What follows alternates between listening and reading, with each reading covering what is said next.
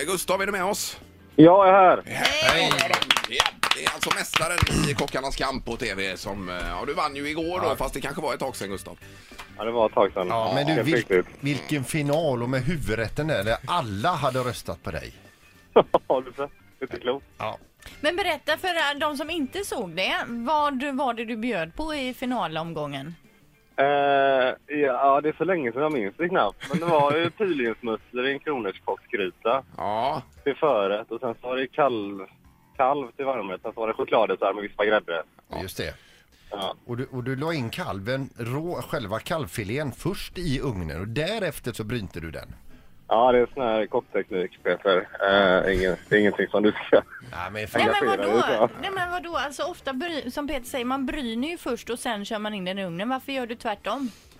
Eh, ja, varför gör man det egentligen?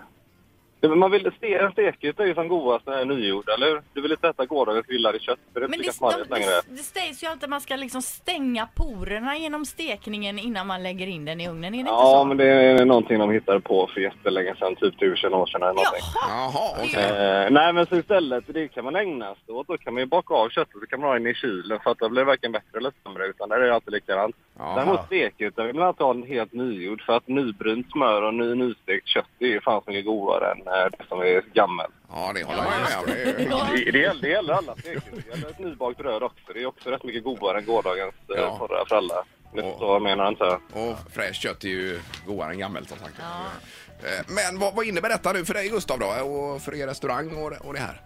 Ja, det vet jag inte. Får vi se. Men eh, det är väl en härlig bekräftelse till våra gäster. ja, men det är väl bra, bra att kanske få ett, eh, ett känt ansikte för rätt sak. Ja. Jag menar, det, det är ju inte Big Brother du har varit med i direkt, eh, Gustav, utan du har ju lagat mat. Ja, ja, ja. Nej, men eh, jag har väl gjort någonting som är positivt, hoppas jag. Ja, ja visst. Eh, och, eh, men jag hoppas att gästerna ty- tycker att det är roligt, att de blir glada. Det är klart, men hur blir det här med för din kollega på Sjömagasinet Ulf där? Ja, eh, Ulf han kom ju trea. Jag är Ja. skitstolt över honom. Fan, Jo, vad jo, bra han men är. det- jo, måste- jo, men alltså det måste ju vara snack mellan er och alltihopa detta. Ja, nej, ja, nej ja, inget negativt. Han är jätteglad för min skull. Jo, Ingen- men alltså Jo, helt men ärligt visst, Gustav, det det kan du ju måste säga ju officiellt. peak. Innerst inne måste Ja, ja. han ju ändå känna... En peak hit Innerst inne, men det är något helt annat. det var inte det vi pratade om. Men eh, du, ett jättegrattis till, eh, och just att det blev en sån skrällseger i finalen också. Du menar att Ja, inte eh, skräll, alla utan trodde att en- Frida skulle vinna, eller vad? Nej, men nej, att det nej. blir som superseger Det ja. var fel uttryck. Ja, utan, Att ja, du ja, dom- det var dominerade finalen. Ja, han var ganska ohotad seger, får man säga. Ja, det var det. det var grymt. Ja, vad skönt. Men du, bara en sån här regnig dag nu i eh, november här. Vad ska vi laga till middag idag tycker du? Eh, jag har fan ingen aning. Min son fyller tio idag. Han hade Oj. önskat sig väldigt komplicerad mat. Jaha, vad önskade sig Eh, han? Ja, Han vill ha, han vill ha softbuns och dumplings och wontons och massa snälla smarrigt. Men jag hinner inte göra det, för jag ska laga mat var efter också. Ja, men nu får ni gå Eh. på restaurang istället och käka dumplings.